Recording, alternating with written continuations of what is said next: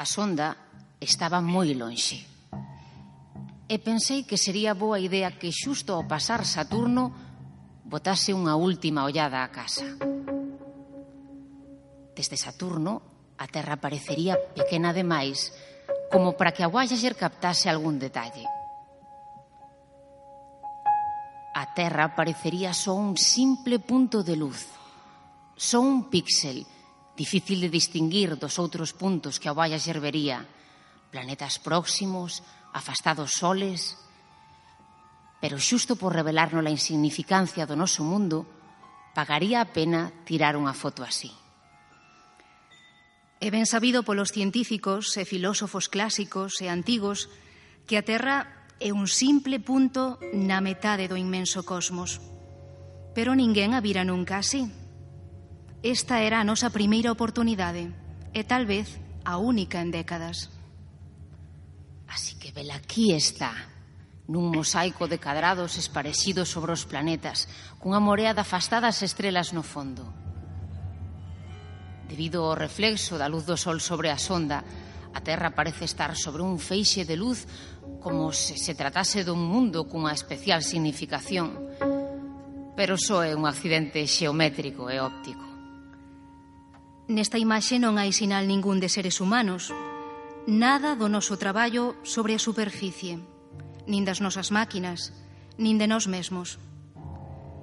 Desde este punto de vista, non hai evidencia da nosa obsesión polas nacións.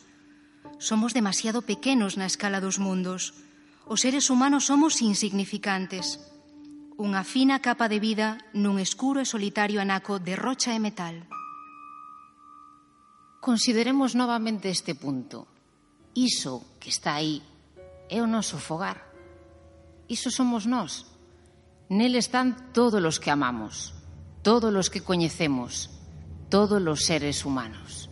A nosa ledicia e sufrimento. Milleiros de relixións, ideoloxías e doutrinas económicas. Cada cazador e cada colleiteiro. Cada heroe e cada cobarde. Cada creador e destrutor de civilizacións. Cada rei e plebeo. Cada parella nova de enamorados. Cada nai e pai. Nenos con esperanza. Inventores e exploradores. Cada profesor de moral. Cada político corrupto. Cada superestrela. Cada líder supremo. Cada santo e pecador da historia da nosa especie viviu ali.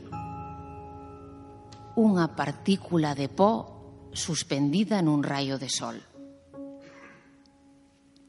A Terra non é máis cun pequeno gran que forma parte dunha vasta area cósmica. Pensade nos ríos de sangue derramados por centos de xenerais emperadores para conseguiren a gloria e seren os amos momentáneos dunha fracción dese punto. Pensade nas cruéis visitas en fin que os habitantes dun recuncho deste píxel fixeron contra os habitantes de algún outro recuncho, a frecuencia dos seus malentendidos, a impaciencia por matarse uns a outros, a xeración de odios furibundos.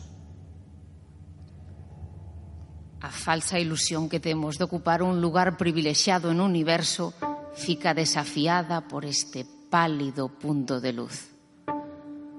O noso planeta é unha partícula solitaria na inmensa escuridade cósmica.